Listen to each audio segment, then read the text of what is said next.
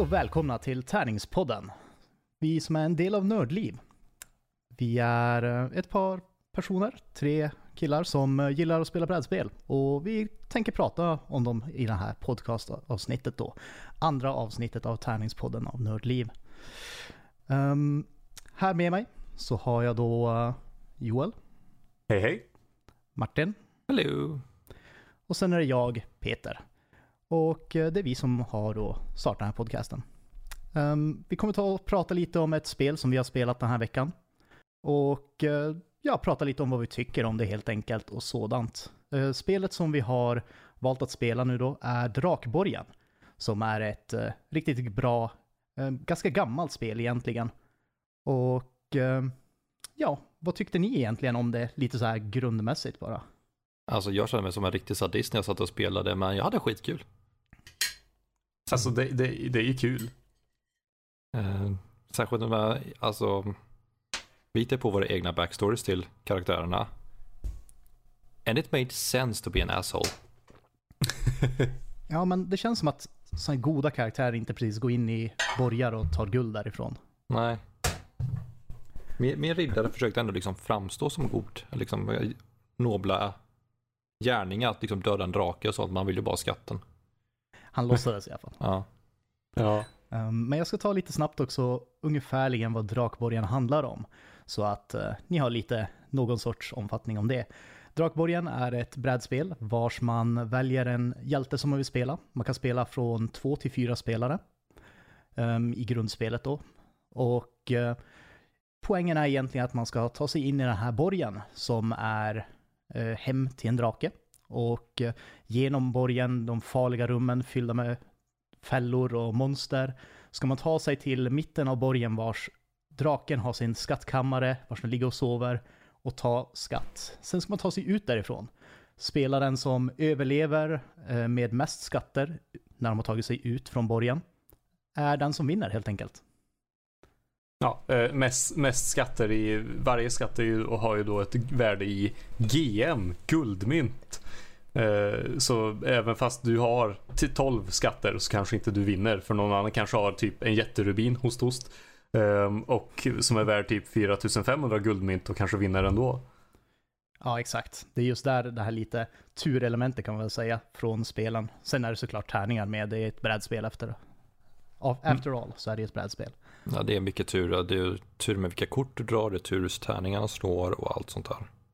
Ja, det håller jag med om. Men jag håller med om att det var ett riktigt roligt spel, även om jag dog som jag hann ah, gå igenom fyra rum borta... eller något. Du var ju borta halva spelet känns det ju. Ja, som. Eh, hur, många, hur många runder hann vi in innan du dog? Jag tror jag gick igenom fem rum, sen så, vad heter det, hittade jag den här amuletten som dödade mig direkt. Ja. Ah shit. Eh, jag, jag har läst på lite nu också. Amuletten är tydligen en del av Drakborgen 2. Vilket yeah. då är ett, ett, expansionspaket till vanliga Drakborgen. Mm. Eh, som vi försökte, vi försökte så gott det gick att ta bort liksom. Grejen är den att när vi, vi spelar på Tabletop Simulator och eh, personer som hade laddat upp Drakborgen till Tabletop via workshopen hade slagit ihop Drakborgen 1 och 2 till en och samma paket.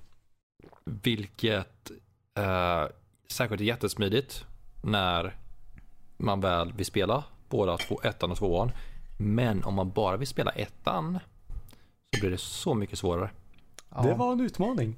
Alla kort är som färdig ihopblandade och riktigt kaosigt på det sättet. Man liksom det var en väldigt och... tom borg vi gick igenom i alla fall. Den var väldigt tom. Det var, jag, när jag spelade Rockborg när jag var mindre, då hände det väldigt mycket mer. Uh, ja, jag känner också det att det var ju alltid så här, man satt alltid spänd när man gick in i ett rum och bara Åh nej, vad kommer det vara här? Kommer det vara ett mm. skelett som tar och spö skiten ur mig eller kommer jag hitta en fälla? Nej, det var, det var i alla fall 50% av rummen kändes som att de var tomma. Mm. Men det var ju för att de här två spelarna hade slagits ihop och vi tänkte inte på att kolla igenom den leken innan vi började blanda och spela det som är bra då det är att i framtiden så kan, det ju, så kan vi lova att det kommer komma Tärningspodden Vi spelar Drakborgen 2. Där. Ja. För så kul var det ju faktiskt ändå. Ja. Det håller jag med om. Det är bara att vi ska lära oss regler om underjorden och likätare och allt sånt där. Det är en hel del. Ah shit. Just det. Det var inte bara ja. amuletterna som var med utan det var ju mycket mer. Mm.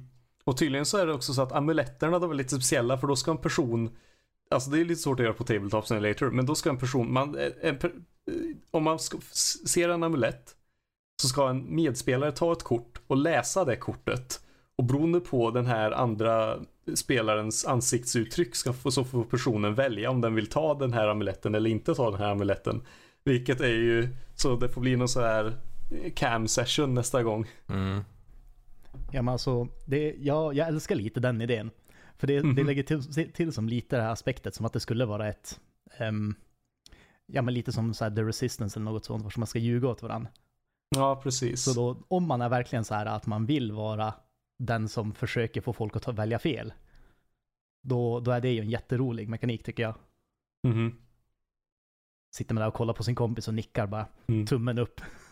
Något så, en, en av mina favoritdelar av Drakborgen är just det här med För brädet är ju liksom tomt och man fyller på med rum Allt eftersom man spelar så här. Man drar från en, från en brickhög Så varje spelomgång kommer se lite annorlunda ut och det tycker jag är så här Jag tycker att det är jätte, jag tycker det faktiskt är jätteroligt Ja, I värsta fall så kan det sluta med att man inte har någon väg tillbaka. Likt jag. Ja, Okej, jag- jag väljer att gå hitåt. Ja, ett cirkelrum. Du har ingen väg tillbaka. Ja. Japp, jag fortsätter. Du är en järngaller smäller igen bakom dig. Ja, okej. eh, fortsätter lite till. Ett cirkelrum. Du har ingen väg tillbaka, men för kom igen. ja, det. Jo, det, det är det som är lite, jag vet inte, det känns som att, jag tycker det känns som att det, eftersom att det är ett äldre brädspel, att det är så um, oförlåtande på det sättet. Av den anledningen. Nu vet jag inte om det är sant, men det känns som att det är lite det. Ja, nej men alltså det, det, för mig så var ju jag spelade Drakborgen när jag var lite för ung, alltså typ såhär 9-10 och mina kompisar var också 9-10 Och då, och vi, vi, fatt, vi gjorde jättemycket fel, vi fattade inte riktigt vad som hände Men för mig, jag kan alltid, jag har ju såhär nostalgiglasögonen på mig när det gäller Drakborgen För mig så är Drakborgen liksom första rollspelet där för vi satt ju då också och gjorde upp så här backstory. Så riddar Rohan, han har, ska rädda prinsessan eh, som finns i skattkammaren hos draken. Och han, eh, han eh, vikingasnubben, han har sin svältande by och det är så här, han har också fru och barn. Och det, alltså det blev ju hela familjeträd till vissa av de här karaktärerna. Jo, exakt. Vad blir nobla ni var då. Ja, nej men, nej, men nej, alltså det var ju, man bara, man, det var ju det som var så bra, bra när man var barn. Så här, man brydde sig inte om om det lät, om det lät bra eller dåligt, man bara sa saker. Ja, men sen när man var barn också så är det mycket det att man vill vara hjälte. Det är Ja. ju ofta det man ser i tv-serier och filmer och liknande. Så då vill man, jo men jag är klart att jag är hjälten i det här spelet. Sen när blir man äldre bara upptäcker du, hjältarna är mesar. Det är mycket roligt att vara antihjälte. Jag, jag Ja, vet vi- inte om det är så här äh, konstigt från att när man växer upp att man inser att hjältar är inte så troliga. Eller de går inte att relatera till tror jag lika mycket, Mm. känns det som. Mm. Um, jag menar, hur ska man kunna relatera till någon som alltid försöker göra det bästa? För försöker man själv alltid göra det? Det är det som är frågan. Alltså jag tycker det är att en kul, när, liksom när vi pratar om det här, jag tycker liksom om Shrek är ett prim exempel på det här.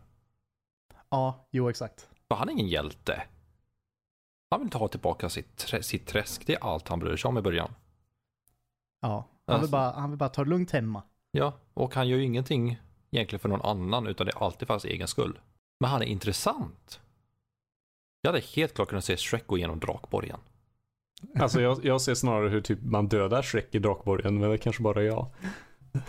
Istället, istället för bergtroll så bara träsktroll! Ja. Wow.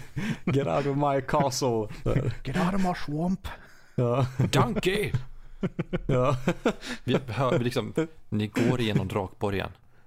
Plötsligt hör ni ett eko. Anki, Anki, Anki. ja. Det, det, Shrek är ju ett slott där och det är ju faktiskt en drake där med en skattkammare. Ja. Det kanske är Drakborgen. Ja, mycket Ja. möjligt. Ja. Hmm. Jag har inte funderat på det här. Mm. Ska vi, ska vi, är det, kommer det vara nästa? Så här, Shrekborgen? Ja, Shrek-borgen. Nej men, personligen, jag vet inte, jag tycker Drakborgen är ett så här riktigt bra brädspel just på det sättet att, som du säger, det är lite som en bra introduktion till rollspel på något konstigt sätt. Mm.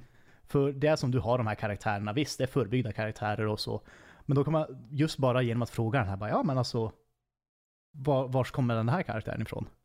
Så Mm. introducerar man ju lite det här elementet till någon kanske som inte har spelat rollspel tidigare. Det är Mm. ett bra sätt att hooka folk till.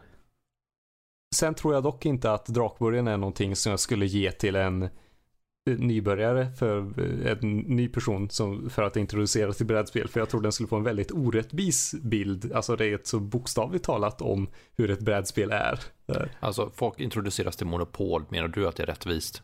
Eh, nej men alltså. nej, nej men det, det är inte.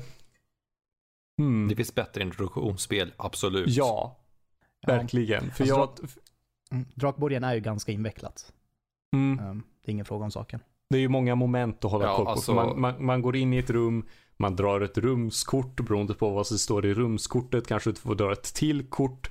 Och om du ska leta genom en kista så är det ett annat kort än om du ska leta genom ett lik. Och det, ja. Ett, ett minus jag har med Rakborgen, det är regelboken. ja, just det. Ja. Men det var ju... Ja, Jag- jag- alltså överlag, att du liksom, om du vill veta vad det här gör, kolla in punkt 14, paragraf 2. Man bara, ursäkta vad? Det är som att läsa en lagbok. Ja, jag satt och Ja, men- läste den boken till förbannelse när jag började spela. Bara, vad i helsike är det här? Jag vill veta vad det här gör. Ja, men gå till den sidan. Okej, jag går till den sidan. Ja, men du, du ska upp ner lite. Men vad... Säg bara vad grejerna gör. Mhm. Sen så, det kanske, det var, jag tyckte det var lite svårt också. Man brukar ju ofta leta efter regler online. Drakborgen 1 var väldigt svårt att hitta. Mm. Jo, men jag tror det är just det här med att det, det är så pass gammalt för det första. Och sen är det Mm. ett svenskt brädspel. Mm. Um, Alga är det väl som har gett Ja, ut det är det. Alga. Tog Mm. tydligt och bra ena hörnet på spelplanen. det syntes väldigt tydligt där. Ja. Um, Är vi sponsrade kanske? mm, Alga. Alga, kontakt. vi, Ja, ja. ta kontakt med oss. ja, då, då blir det GVs brott nästa månad. Nej men jag håller med om att eh, reg reglerna är ganska komplexa i spelet. Och sen också just det här med att regelboken kan vara lite otydlig gör ju inte det lättare heller. Mm. Nej. Um, så Nej men typ. Ja, man har ju de här. Man har ju liksom små regelkort där det står som som om refereras till ibland. Eh, men det skulle behövts några till små regelkort. Mm. För eh, ja, vi var ju ändå, för jag trodde att så här, just de små regelkorten till exempel, de tar upp de olika rumsbrickorna som Martin pratade om så här, att de, det kan vara en gallerdörr och liknande. De brukar ofta, en del av dem stod på de här små regelkorten. Men, men medan andra stod bara i regelboken. Och det vill säga, varför finns de små regelkorten? jo. Och det Ja. kändes som att de små regelkorten, de var gjorda för de här sakerna som inte hände så ofta heller. Mm. Mhm. Um, så det var som, om man vill kolla upp en regel eller vill ha så här litet regelkort så är det väl för någonting som är lite mer avancerat men som händer ofta. Mm. Jo, Känns det det, det är att de skulle ha bytt plats på det. Att, till exempel jättespindeln. Ha den i regelboken. Men ha Ja. gallret. Liksom vad händer med dörrstängs bakom dig? Ha det på ett mindre regelkort istället. Jo, ja, exakt. precis. Det, för, jag, för jag tror också att det bara finns en, ett jättespindel, eller ja, ja, de, ja vad jag har för mig så är jättespindeln rätt så sällsynt. Mm. Jo, det finns väl bara, vad kan det finnas, en eller två av dem i som Ja, precis. Mm. Um, så det är inte ofta det händer. Nej. Alltså om de, om de kör, jag skulle älska att de körde en reprint på Drakborgen. Åh, ja. Det, hade Det så vore helt upp, med fantastiskt. uppdaterad regelbok och eh, ny spelplan, nya modeller. Det, alltså, jag ser en marknad för det, helt klart. Ja. Ja, ja. Jag, jag skulle, om det skulle dyka upp på Kickstarter eller något liknande, I would probably back that. ja. Tänk några fina miniatyrer till det. Och, Ah, Ni vet vart ni hörde det först, Tärningspodden. Om någon, Ja. om någon pratar om det efter det här, det är liksom vi sa det först. ja, verkligen. Ja. då har de lyssnat på Tärningspodden helt enkelt. Mm. Mhm. Vi vill ha 50% av vinsterna. Minst. Nej, vi, Ja, ja. vi vill ha en lyxig egen utgåva av det. Ja.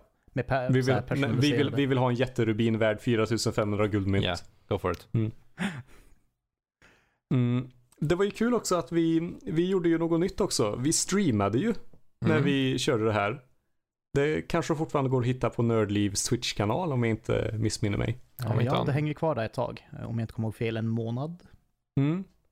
Ja, vi ska, jag ska prata lite med Fredrik tänkte jag se om vi kan fixa någonting på YouTube. För Mm. det kan vara, jag personligen tycker att det kan vara kul att ha sånt att kolla tillbaka på. För tänk om det är någon som lyssnar på det här avsnittet om typ två år. De har ingen aning. Ah, shit.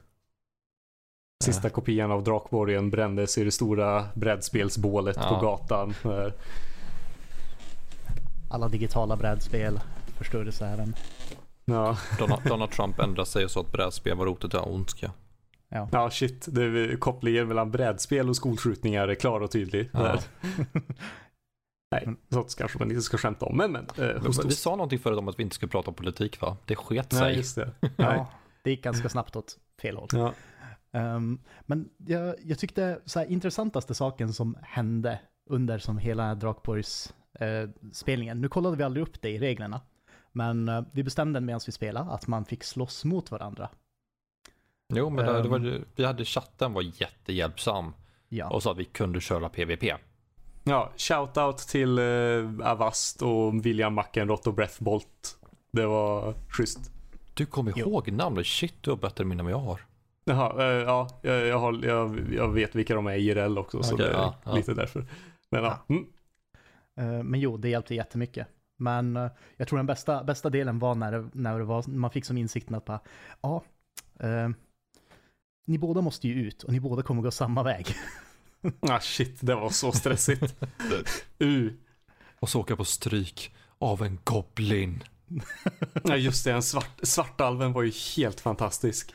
Uh, vad jag tyckte om den Alltså svartalven. jag, jag visste, ja, om jag hade fokuserat bättre hade jag säkert tagit det. För jag vet ju om att det var ju Peter som spelade ut korten. Han visste mycket väl vilket kort som gjorde min Mm. skada. Jag hade kunnat spela det så mycket bättre. Mm. För, för man spelar då, det är liksom en sax, påse, sten. Man får tre kort, de är A, B, C. Den som spelar monstret har också tre kort. De har också A, B, C. A slår B, B slår C, C slår A liksom. Och så spelar man ut ett kort i taget.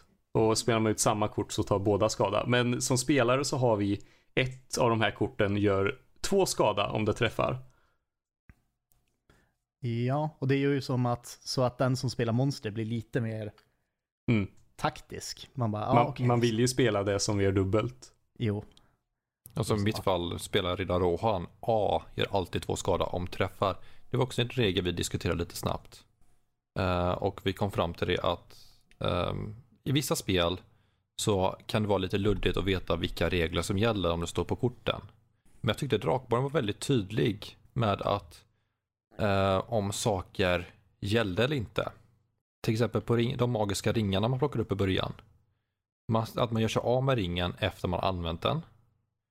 Mm. Eh, men, och att på amuletten, det står ingenting sånt. Så inget sånt på något annat kort. Jo, flaskan tror jag gjorde. ja, jo, flaskan också. Ja, flaskan. Eh, och att då på de här A, B, C-korten i striderna så står det ju att gör två skada om du träffar. Vilket betyder att eh, för att inte göra skada så har man en, vad är det, en, nej, Eh, ja, en, alltså en av tre, eller två av tre chanser så, gör- så gör ju den skadan, eller mot två av tre kort då, om man säger så. ja precis. Ehm, så det är ju som egentligen alltid, om, om man tänker så här att man ska spela så bra som möjligt, så är det ju alltid värt att använda de här korten så mycket som möjligt. Men det, det som gör det intressant är ju att det är en annan spelare som sitter och spelar mot dig. Mm. Eh, och de kommer ju också tänka på det. Ehm, Mm. Och det är därför jag, jag gillar som combaten på det sättet, för då blir det som lite mer, det känns lite mera eh, riktigt än att när man bara sitter, vi säger att man, det bara hade varit som en hög med kort och hade suttit och dragit. Mm, precis. Ja, men det, det, det är ju roligare liksom med att spela mot en annan människa. Det kommer man inte undan ifrån. Och som i det här Ja. fallet att Peter, du dog ju så pass tidigt. Men du var fortfarande ganska, en väldigt viktig del av spelet. Du blev liksom Dungeon Master helt plötsligt. Jo, så att jag gjorde, Mm. tog alla strider istället. Drakborgen är också väldigt eh, bekvämt att house-rula. Alltså lite on the fly. Mm. Där. Vilket vi säkert gjorde flera gånger. Vi gjorde fel i skattkammaren. Vi gjorde fel med amuletterna. och Så här. Men, men att det ändå liksom, man kan ändå få en underhållande upplevelse. Mm. Det är som inget i spelet som blir, alltså som förstörs helt av att house rulas. Det är väl det Nej. som är som, mm. Även fast vi stötte på jättemånga tomma rum liksom. Så vi hade ju väldigt kul. Ja. Och vi klarade oss ändå inte ut genom, eh, genom port, porten. Där. Jag, hade ett, jag var ett rum ifrån men då rasade taket in. ja, just det. Shit, det var jobbigt. jo. Och jag satt där i, här i min fåtölj bara dö, dö, dö, dö. Ja. Kom igen. Taket, Man blir så- taket. Man blir så eh, elak med, av Drakborgen. Ja. Jo, men det, det är lite, jag, jag vet inte, jag, jag började tänka, eller jag fick som den som tanken egentligen när vi satt och spelade att det påminner lite om en mer avancerad version av Munchkins Mm. to some degree. Ja. Mm. Jag funderar Ehm, på om det finns en engelsk version av Drakborgen, Dungeon Quest. Ja. Inget jag har spelat. Jag har, Kanske jag finns sett- på workshop. Jag, jag, har- jag har inte spelat det heller. Jag såg en kompis som hade det. Jag tyckte upplägget såg väldigt lika ut.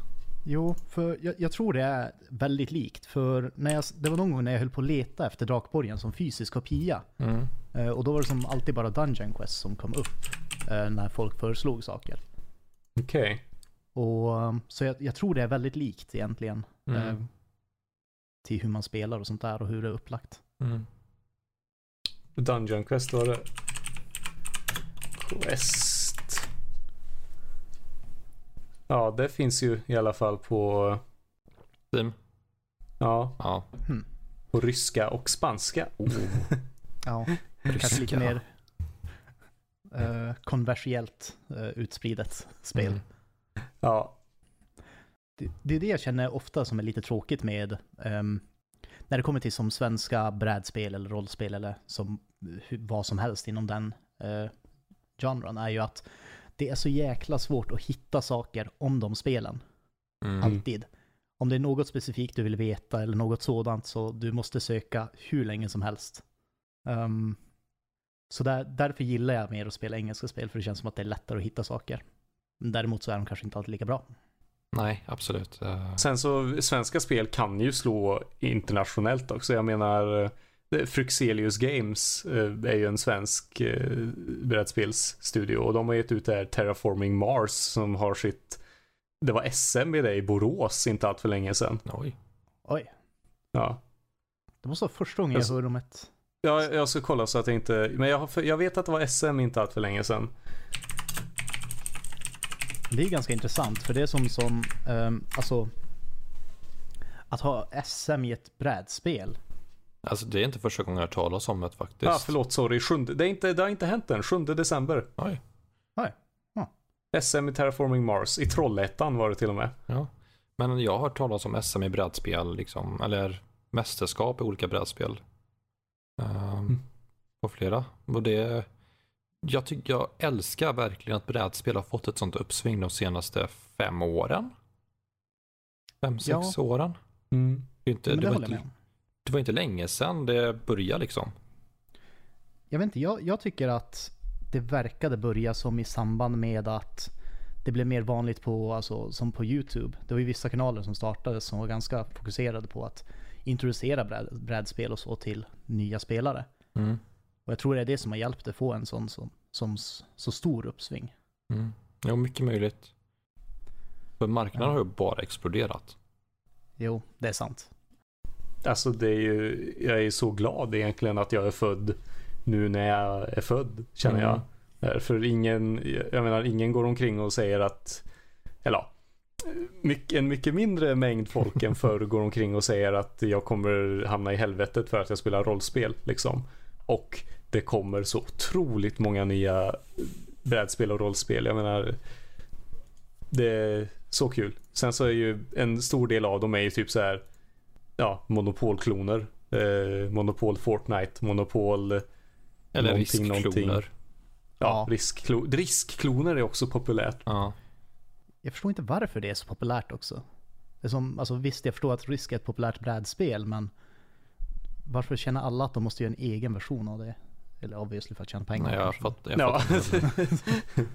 det, det säljer ju liksom. En, Mm. eh, jag har ju, sen har jag li, liten erfarenhet av att spela eh, Risk Transformers och det ändrade ju faktiskt lite på reglerna. Ja, jag, jag, äg, Eh. jag vet inte om jag fortfarande äger det spelet, men jag har ägt det. Jag tyckte om det, att de ändrade på reglerna på det sättet. Mm. Att du satt inte i 15 timmar med det, utan du var faktiskt begränsad till ett visst antal runder. Mm. Vilket gjorde att man kunde spela igenom det mycket snabbare. Mm. Eh, Jag tänkte innan vi snöar in oss allt för mycket på det här, har vi något mer att säga om Drakborgen? Ehm, Jag tror inte det. Som egentligen avslutande jag skulle vilja säga bara att jag tycker det är ett riktigt bra spel. Um, spela inte det om det är det första brädspelet ni spelar, kanske. Men uh, väldigt underhållande om man har spelat mycket brädspel och gillar just de här uh, karaktärsbaserade spelen. Som. Spela det om ni får tag på det vill jag säga, för det är inte så lätt att få tag på. Ja, det är sant. Ja, mm. uh, om du vill uppleva svensk brädspelshistoria, absolut. Det mm -hmm. Är det bättre än Monopol? Ja. Ja. Alltså visst, men, men alltså, jag, jag vill ju säga att det är bättre än Monopol, men jag är lite tveksam. Jo, jo det är bättre än Monopol. Jo, det är bättre än Monopol.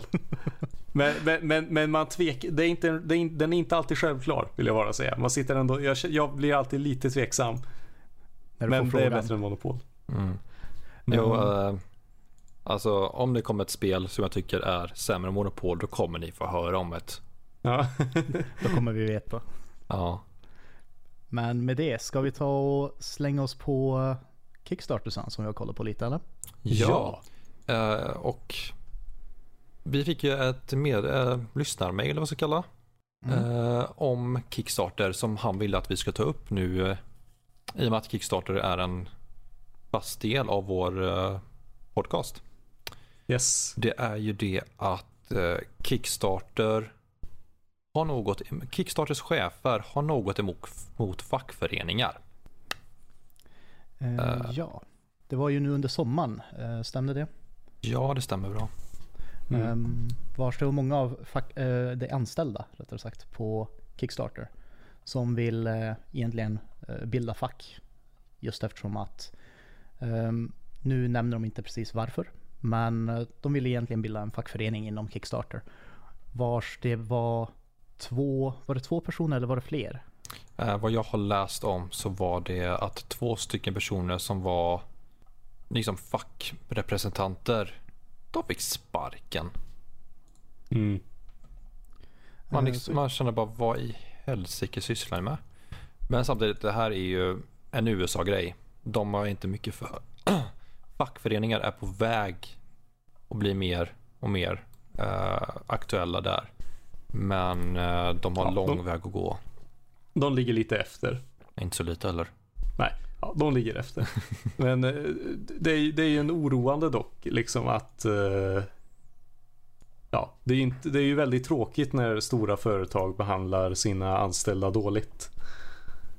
Ja, alltså ja, jag känner alltid att när det kommer till företag att man kan, ju, man kan ju spara in hur mycket man vill och till exempel, ja men vi vill inte att ni bildar fack för att det kommer att ändra för oss.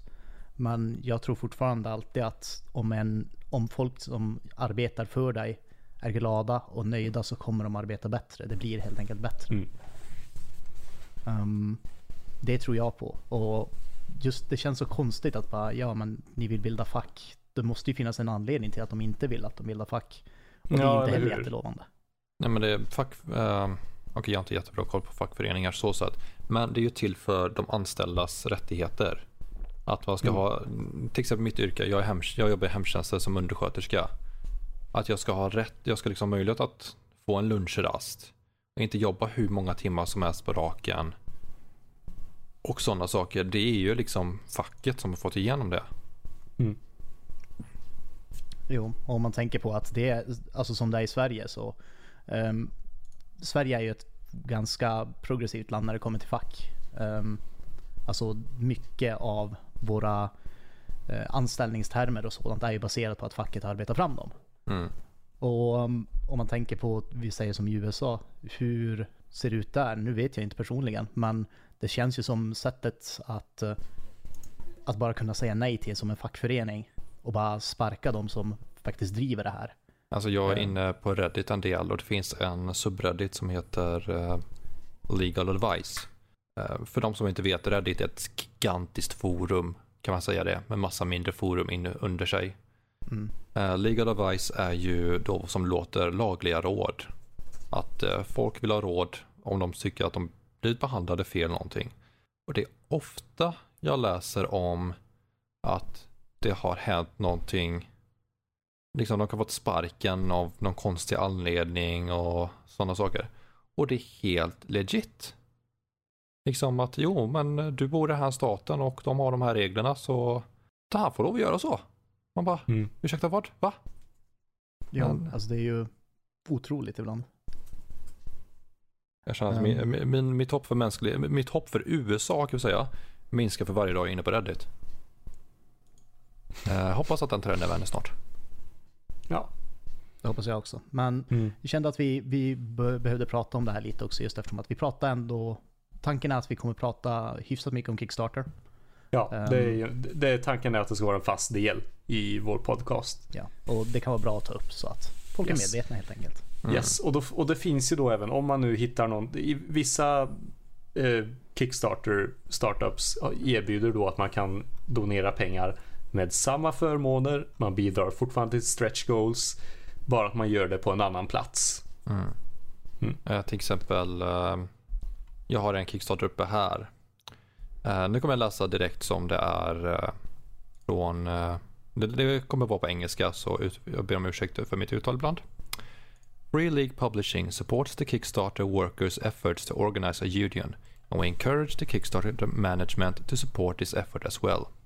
We have communicated our stance to Kickstarter management and we are following the matter closely. Currently, we do not believe in a boycott, however. This is also something. And this is also not something that the Kickstarter workers themselves recommend.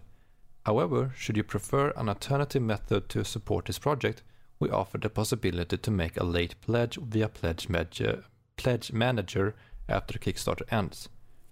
To be notified when the late pledges open. Ja, den behöver vi inte ta. Men eh, så att det här är alltså så pass stor grej att Kickstarter-projekt själva skriver ut det i sina projekt. Mm. Ja, så det är bra att tänka på egentligen. Ehm, nu hoppas jag att Kickstarter hanterar det här på ett eh, bättre sätt än vad de har gjort tidigare. Mm. eh, och faktiskt ta och lyssna på sina anställda. Men eh, Men backlashen de fick i somras hoppas jag verkligen att de lyssnar. ja, det känns som att det ska vara det smarta valet att göra. Eh, bara rent allmänt, Mm. företagsmässigt också.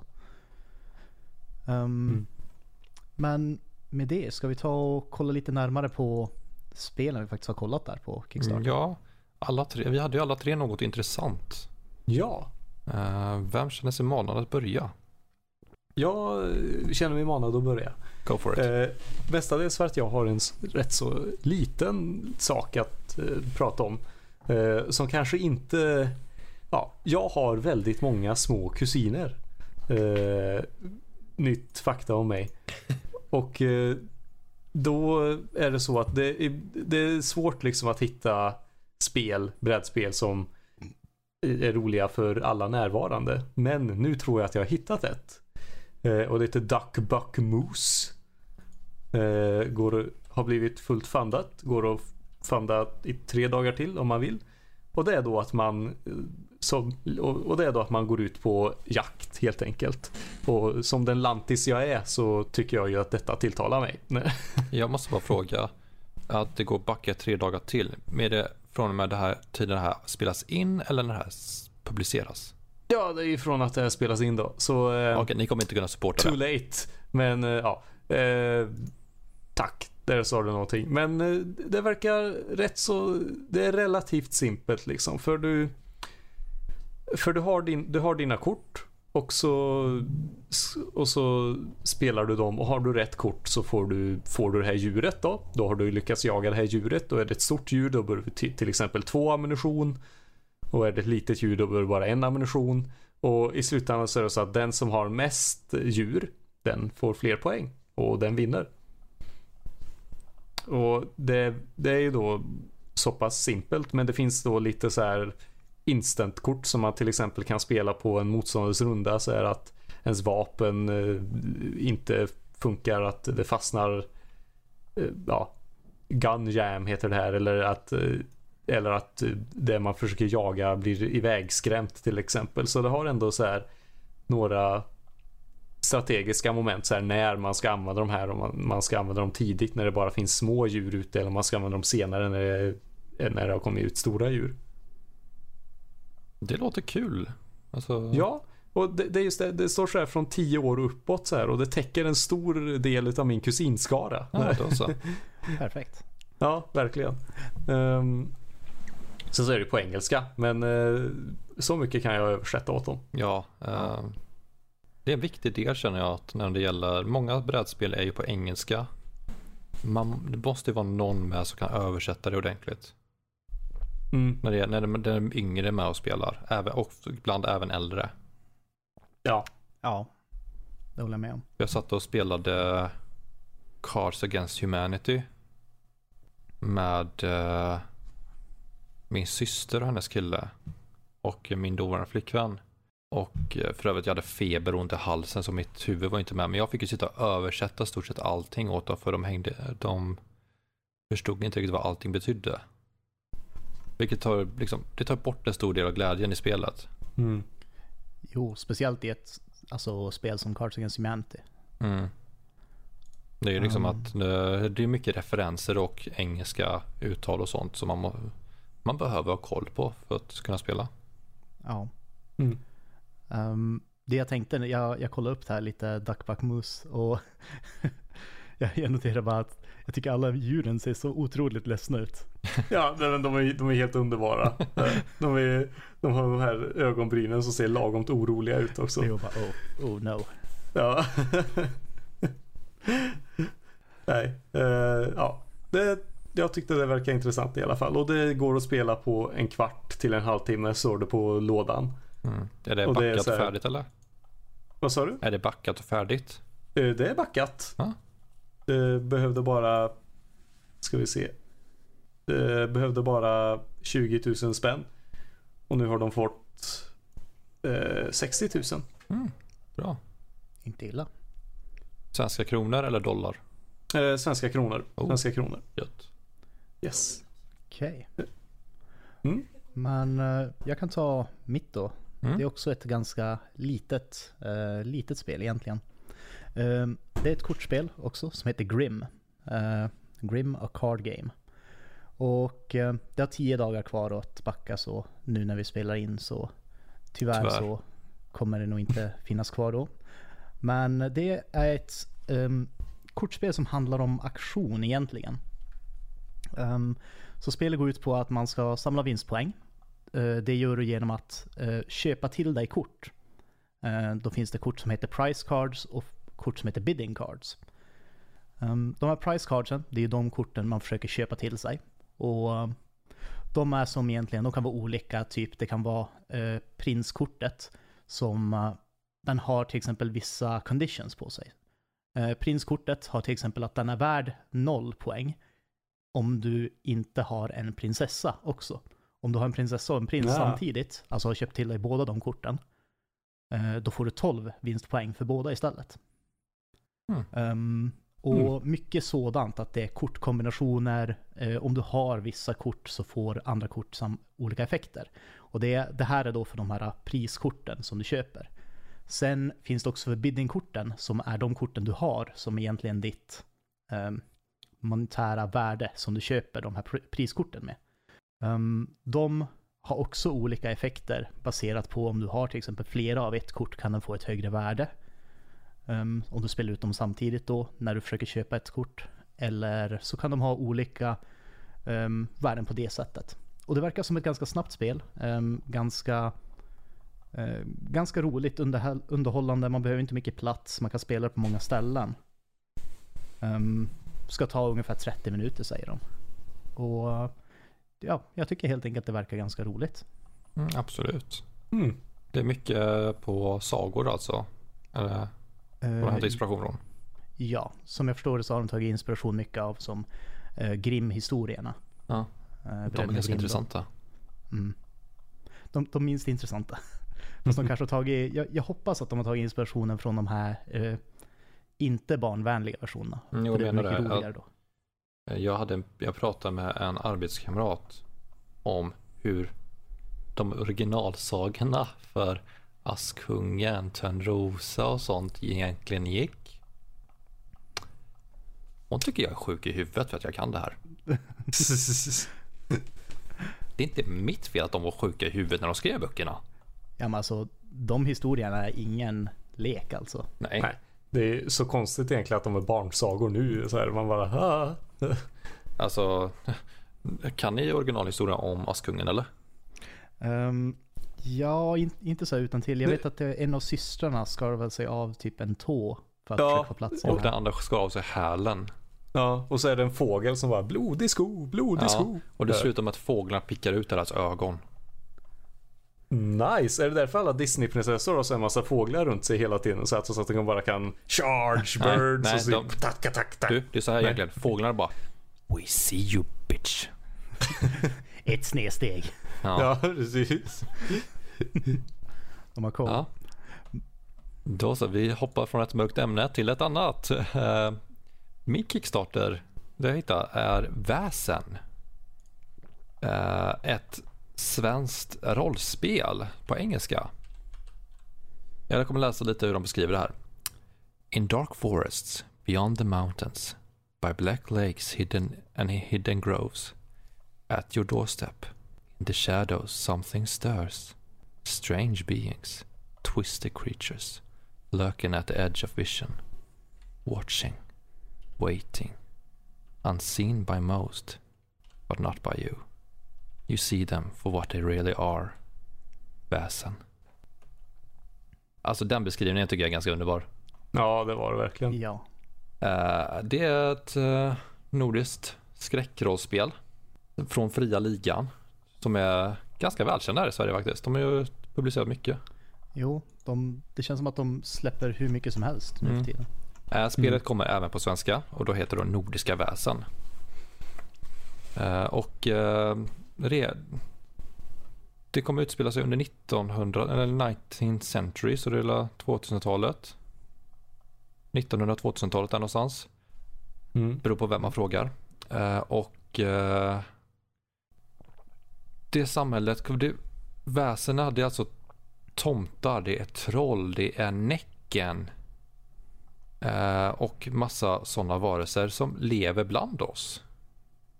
Helt osynligt. Förutom för spelarna. Så ser de för vad de är. De ser trollet mitt som sitter och säljer sitt bröd mitt i byn och sådana saker. Mm. Jag känner att det, jag är en sucker för mytologier och sånt.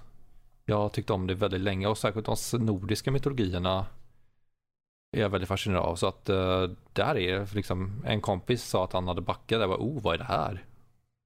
Det Eh, ser väldigt intressant ut. Ja, Ja, verkligen.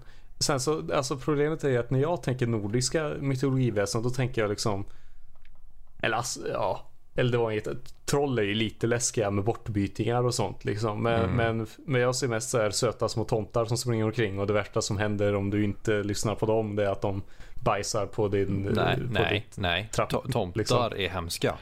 Ja, det, det är ju säkert så. För jag har nog någon så här Ja, liten jag minns- barnvariant i huvudet. Jag, jag minns att eh, när jag kollade på något program när jag var liten, det gick de igenom. Eh, finns, finns ju något som kallas hustomtar, känner ni till va? Mm. Mhm. Och eh, förr i tiden så skulle man sätta ut en tallrik med gröt till tomten. För att eh, liksom hålla den på god fot. Den hjälper till på gården och liknande. I den här historien så var de lite sena med att sätta ut gröten. Tomten blev så arg att den slog ihjäl deras bästa ko. What the fuck? Ja. Sen upptäckte den att gröten hade kommit ut. Han hade bara inte sett det. Vad tomten gör då, det är alltså att den släpar med sig det här döda kon bort till grannen. Och det här liksom, på den här tiden, då var det inte grannen som vi snackar om idag. Då snackar vi liksom kilometer bort. Och släpade alltså med sig den döda kon bort till grannen och bytte ut den mot en annan. För att den mådde så dåligt över det. Så du själv, alltså tro, kom inte att tro att tomtar är små söta varelser. Ah shit. Ja okej, nej. Verkligen inte. Tack Ingen för lek. den. Nej, julafton blir intressant hörni. Men det här det är ett sånt spel jag helt klart kan se mig själv sitta och spela. Det, Jo. Jag vet inte, jag, jag, jag älskar som lite så här mysterieaktiga rollspel. Um, Mm. Call of Cthulhu är någonting som jag alltid vill spela. Tyvärr känner jag inte folk som vill spela det. Mm. Ehm, men det här, det här ger mig lite samma känsla. Mm. Jag tror att det kan locka till sig en del i och med att det utspelar sig i Norden också. Ja, Eh, För övrigt, det här spelet är 16 dagar kvar på den tiden det spelas in. Så när det här avsnittet väl släpps Eh, om jag släpper rätt så är det alltså ungefär 4 till 5 dagar kvar. Så ni kan Ja. fortfarande backa det vid när ni hör det här. Så inte för att det behövs, de bad om 100 000, de är uppe i 1,4 miljoner. Så att eh. Ja, men om ni vill ha en eh, regelbok så är det ju ett bra sätt att få det. ja. Eh, det ser väldigt intressant ut. Det håller jag med om. Mm. Um, jag sitter bara och kollar igenom alltså, all deras art där och det ser väldigt, väldigt, alltså vä- väldigt lockande. Mm. Kanske blir att man får ta och lägga in någonting här. Ah, shit, alltså det, det, jag känner det är ju inte bra för... för eh, Plånboken. nej, att vi, att vi spelar in podcast då med så här Kickstarter-del. Åtminstone för min egna del. Det är så här, man sitter där och bara... Ja men ska jag kanske? Så här, bara, bara en till, bara en till. Sen, är det, sen ingen, ingen mer nästa månad. Ingen mer Det, det nästa är månad. jätteenkelt för mig. Min plånbok är tom. Jag kan inte. Ja, det är ju lösningen på allt. Det, det är min hemlighet, jag är alltid fattig. Ja, Ja, precis. exakt. Sen blir du Hulken och bara... Ja. As my secret cap. I'm always, I'm always broke. Ja. Okej, det var Kickstarter-segmentet. Uh, jag hade fått in en lyssnarfråga va Peter? Eh, ja, vi ska se. Det är ju... ehm, visst tänkte du på det här samma person som hade skrivit hela den här Kickstarter-grejen, ja? Ja, precis. Eh, ja. Så vi hade lite frågor. Ehm, en av dem som vi kan börja med är ju kanske till exempel uh, brädspel och den äldre generationen. Tyckte jag var lite intressant som vi kan prata om. Mm. Um, vi nämnde ju lite, lite kort förra avsnittet om eh, våra föräldrar. Och eh, så då fick vi frågan egentligen att eh, vad vi tror om hur brädspel kommer se ut om 10-20 år. Eller 50 år för den delen. Men eh, ja, lite egentligen framtiden av brädspel. Vad tror ni om det alltså? Eh, jag misstänker att brädspel kommer ha ett uppsving och sen kommer få ett stopp igen. Eh, och sen, det, det kommer komma i vågor. Så att den här generationen som växer upp nu kommer liksom tycka jättemycket om brädspel. Nästa generation kommer inte gilla det och så kommer det fortsätta så. Ja, men det kan jag hålla med om. Jag tänker mig så här just med utvecklingen av VR och sådant. Ehm, eller rättare sagt, det som jag kanske tycker är intressantast är som AR, som är då alternate reality. Mm. Vars man tar som det du kan se eh, annars och lägger till um, hologram om man säger så. Ehm, och det tror jag är, om det utvecklas bra, framtiden för brädspel. Mm. Ehm, för det är ju som att du aldrig kommer behöva ha fysiska brädspel något mer egentligen på samma sätt. Nej, men då gäller det också att det ska, tekniken ska finnas och att den ska vara liksom, folk ska ha råd med det. Jo, det, det är ju Mm. det, det måste ju utvecklas på rätt sätt så att det blir, ehm, det blir en sak som allmänheten kan ha, att man har råd med det faktiskt. Jo, Mm. för det finns ju inte en familj som tänker spendera 5000 kronor för ett brädspel. Nej, det är sant. Eh, Jag tror ju att mycket kommer flyttas till, likt mycket annat, flyttas till mobilen. Mm. Ehm, för jag har, nu har jag inte spelat så jättemycket, men det har väl lite med det här augmented reality som du pratar om Peter. Eh, Just för det, det, det är ju många spel nu som bara, åh, du kan spela det här och här har du den här kortleken, den här tärningen, men du kan också använda appen. Ehm, Jag, har, Eh. jag har sett något rollspel där Ja. man hade en app som var Dungeon Master. mm. Um, För jag- för- of Madness? Ja, mycket möjligt. Ja, för jag har varit med om eh, Dead Winter Nights, Winter Dead Nights. Eh, ja, det är zombies och det är vinter och det är svält och skit. Jag tänkte Eh. är Winter. Kanske det hette. Eh, då, då, då fanns det i alla fall en app som agerade liksom, bland annat så var det lite så här snöblåsljud och eh, lite sånt. Men den agerade då även kortgenerator liksom. Mm. Ja, det är ju, det är ju, ett, det är ju ett spel som, alltså när jag tänker när vi pratar om appar, um, Mansions of Madness, eh, second edition, Mm. är ju, det är ju egentligen ett rollspel kanske, men det är som ett simplifierat rollspel vars du har en app som det är, det är eh, Dungeon Mastern. Mm. Ehm, och det funkar ju väldigt bra, det är faktiskt ett av mina favoritbrädspel. Ehm, och jag skulle gilla om andra brädspel går åt det hållet också. Mm. Absolut. Alltså det är välgjort. Det är riktigt välgjort. Men eh, Jag, jag tror på vågorna att uh, många kommer försöka haka på trenden. Det går åt skogen för dem och det kommer ett stopp. Ja, alltså, vi har sett det här i industrin, både tv-spel och brädspel så många gånger. Att mm. det är liksom... Jag vill inte vara pessimisten men uh, det känns lite så. Du är pessimisten. Ja, du är optimistisk realist. Ja, visst visst. Så säger alla pessimister. ja, har du, ja. Mm. Men det, det jag tänker mig är så här, um, när jag tänker AR, för det, det är någonting som jag faktiskt sett håller på att utveckla. Det är ju som så här uh, alternate reality uh, bord. Som är specifikt ja, gjorda. Uh, för att som ytan ovanför kan du, vad heter det, skapa de här hologrammen. Yu-Gi-Oh! Yu-Gi-Oh! Men det, det är det jag tänker mig är, kommer vara det, att du har som ett bord så här som är, jag, men, jag vet inte, kanske funkar som ett kaffebord, vem vet. Men sen utöver det så kan du som bara ta bort allting från det, slå på den här AR-funktionen och då kommer det fram som, ja men vi säger delarna till Drakborgen. Kommer fram mm. där. Jag vet om att de försökte, uh, Playstation 3 hade ju ett kortspel. Eye of Judgment. Har ni hört talas om det? Nej. Nej. Um, då använder man iToy-kameran. Den kommer du ihåg va? Ah shit. Ja, mm. Och alla korten hade en särskild kod på sig som kameran läste in och på tvn så dök de då upp i 3D. Alltså så man liksom fick, kunde flytta på dem och slåss i på tvn. Jättekul koncept.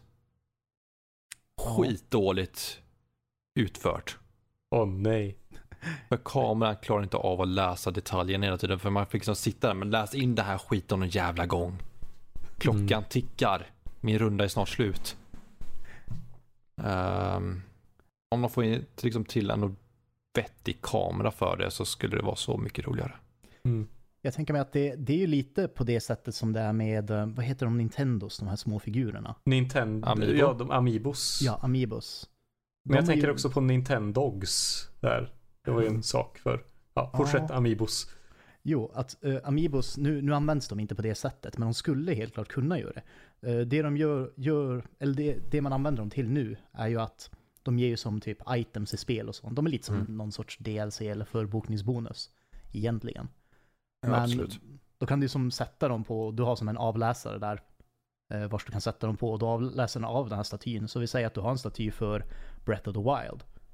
Um, då får du items i Breath of the Wild-spelet. När du har läst av den här Link-statyn till exempel. Mm. Um, men det bör ju finnas något, något, liknande som skulle kunna användas till digitala brädspel. Mm. Ja, absolut. Ja. Ja. Uh. Mm. ja, men vågor tror du på i alla fall. Ja. Mm. Och ni hade lite högre förhoppningar om det? Ja. Lite mer sci-fi-iga förhoppningar kanske. Mm. Alltså, men egentligen, jag är ingen pessimist så sett i och med att jag säger vågor. Jag säger inte att trenden kommer stendö. Nej, det är ju sant. Så optimistisk sant. realist. Ha. Ja. Har vi fler lyssnarfrågor? Uh, ja, vi ska se här. Mm. Ja, det han nämner är egentligen också lite frågan gällande den yngre generationen. Nu vet jag inte om vi gick igenom det lite, men... Ja, tror jag um, inte hur tror ni att den yngre generationen kommer eh, se på brädspel? Kommer 12-åringar sitta och spela brädspel eller kommer det dyka upp intressanta hybrider? Där man har ett fysiskt brädspel som man använder till exempel i en iPad. Eller det var vi lite inne på. Ja, det var det jag tänkte. Mm. Vi var lite inne i det. Men jag tänker att man kan prata lite mer kanske om generationerna. Ja, för mm. jag, jag tror ju att yngre generationen, något som mina små kusiner har, eller ja, något som är inne just nu, känner jag på dagis och liknande från mina små kusiners och andra människors barn. Eh, det är just paddan. Mm. Eh, det, det, är paddan, paddan, paddan. Eh, på både gott och ont. Ja, exakt, exakt. Du är ju själv förälder Martin, mm. så du känner nog, du kan jag har, hon, Min dotter har ingen padda, utan Nej. så. De, de, ja. Men hon har det på dagis. Mm. Har de. Och uh, jag vet inte hur många använder det där, men jag vet om att det finns. Mm. För jag, så jag tror att mycket utav det som, om man ska fånga en kommande generation, då tror jag att om brädspel kan hitta en väg in till paddan då tror jag de hittade vägen till den yngre generationen. För de, de spel som finns till mobilerna idag är ju inte särskilt jättebra. Men jag menar, säg att man skulle kunna spela Drakborgen online på mobilen. Mm. Ja men ta till exempel Talisman känner till va? Ja. Ja. Det finns ju i mobilen. Och det finns på dat på Steam. Mm. Jo, de har ju varit riktigt duktiga på att digitalisera det. Ja. Så att, smart. eh, och det är jätteenkelt att komma in i på datorn för att da, liksom, spelet har du koll på alla regler åt dig. Så att eh, man behöver liksom inte sitta och bläddra i en regelbok och tänka på liksom, vad, vad gör jag nu? Eh, vad händer där? Och sådana Mm. saker. Utan att spelet håller full koll åt det, på spelet åt dig. Mm. För, för, för det är ju det som är så... För det är ju det som är svårt, alltså att, att skripta ett AI. Alltså, ja. Det, det är ju det som gör att Tabletop Simulator har så många spel. Det är att reglerna måste du kunna själv. Mm. Där. Och det är ju, ja. Jag tycker ju det är bra. Ja, absolut. men men eh, om man ska fånga de som sitter med paddan då tror jag, också, då tror jag som du säger att det måste liksom finnas en, en domare. Och jag hatar att behöva säga det, det här. Men Monopol kan hjälpa den biten. Vad säger du Martin? Jag vet, jag ska gå och piska mig själv sen. Det Ja. finns ju en digitaliserad version av Monopol vet Nej, jag. det är inte det jag tänker på. Okej. Utan eh, vi pratade om det lite förut att alla versioner av Monopol, Fortnite Monopol. Ah, ja. Ni- Ni ser vart jag är på väg med det här va? där, Ja, har vi, där har verkligen. vi affärs... Wow. Uh-huh. Ehm, det kan finnas en chans att eh, ungarna spelar Monopol, Fortnite Monopol och tycker liksom ja men det var lite kul ändå med brädspel. Vi kanske ska testa något annat. Mm. Jag hatar att behöva säga det men eh, de, Monopol och Risk vet vad de gör med det här. Ja. Det är sant. Men jag, jag håller med om att just det här med digitalisering är ju, jag tror det är helt klart svaret om man vill få den yngre generationen. Det är bara att kolla på, äl- som äldsta kortspelet, Magic the Gathering, när de släppte sin digital, digitala version som faktiskt var alltså, Det exploderar väl? ja, alltså den, jo exakt, det exploderade ju när de släppte Magic the Gathering Arena. ja, just Blev- det. Jättestort igen direkt efter det. Mm. Och sen har vi ju Hearthstone har ju också liksom bara gått uppåt. Eh, och de har även försökt nu med att ha lite mer brädspelsliknande segment i olika populära, populära spel, tv-spel och dataspel. Ja, Eh, League of Legends har ju Teamfight Tactics, lite schackliknande. jo jag tänkte just, alltså alla de här autochess ehm, Ja. inspirerade spelen är ju ganska brädspelsliknande egentligen. Mm. Um, så jag tror på det. Digitalisera brädspel. Alltså ge, ge mig ett uh, Yu-Gi-Oh med fulla hologram. Jag, jag är såld. liksom barndomsdröm. Jag, jag och några kompisar, vi höll på att diskutera när jag gick i högstadiet. Hur kan vi göra ett sånt här spel? Mm. Liksom, hur kan vi, kan vi få ordning på sådana arena och sådana grejer? Liksom, när vi var i den åldern, vi kunde liksom se det här är inte omöjligt, men vi har inte kunskapen för att göra det. Mm. Det finns folk som har kunskapen och ekonomin för att göra det här. Ja, Uff. Vi måste bara få tag på de personerna. Ja, Ja, precis. precis. Ja, men alltså, tänk, tänk, det är liksom så här vi diskuterar. Tänk er att man tar en tom lagerlokal Mm. och sätter upp liksom hologramprojektorer runt om. Och sen spelar man där inne. Alltså Liksom det hade man- ju varit otroligt häftigt. Tror inte ni att det hade kunnat bli en hit eller? Alltså kanske. Jag tror att det hade varit väldigt populärt. Mm. Men jag tror att det hade varit populärt om man liksom hade mixat med olika spel. Så att liksom Yu-Gi-Oh och Magic. Ja, det är sant. Ja, man kan liksom få upp Magic-varelserna för att det är det största kortspelet någonsin. Det finns inget annat som är i närheten av det. Nej, nej. Det är sant. Det jag tänker, ja, för jag börjar fundera så här, det hade varit lite intressant att göra något liknande också med um, escape rooms. Mm. Det hade ju kunnat vara riktigt häftigt att man blandar, man gör lite så här AR ehm, i så fall med det. Mm. Jag tror det kan lägga en väldigt så här, jag menar escape rooms är redan väldigt, um, Populära. Ja, och de, de skapar verkligen den här känslan att, eh, de försöker ju verkligen skapa den här känslan att du är i det här rummet, du är i det här scenariot. Mm.